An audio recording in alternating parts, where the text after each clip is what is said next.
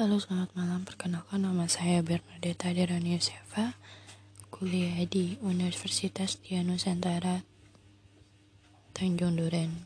Di sini saya akan menjelaskan komunikasi antar budaya adalah komunikasi yang terjadi di sela orang-orang yang benar kebudayaan yang beda atau bisa lain ras, etnik, atau sosioekonomi atau gabungan dari seluruh perbedaan ini.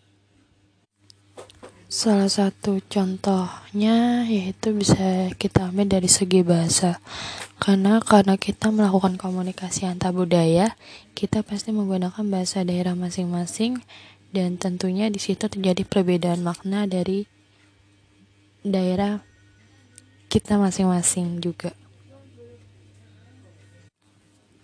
Pengalaman pribadi saya, solusi yang saya akan lakukan yaitu saya akan tanami mindset di mana tidak semua orang memiliki latar belakang yang sama dengan kita sendiri. Jadi kita harus bisa menanamkan rasa pengertian antar sesama yang utama.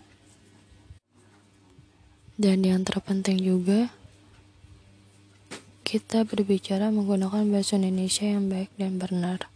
Jadi tidak terjadi kesalahpahaman perdebatan yang terjadi.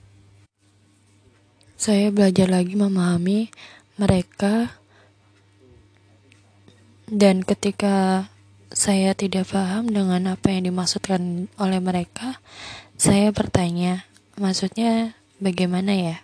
Dan yang pasti kita menggunakan bahasa Indonesia yang mudah dimengerti oleh budaya mana pun, karena bahasa kesatuan bahasa Indonesia yang jelas dan salah satu contohnya itu makanan ciri khas Palembang yaitu pempek.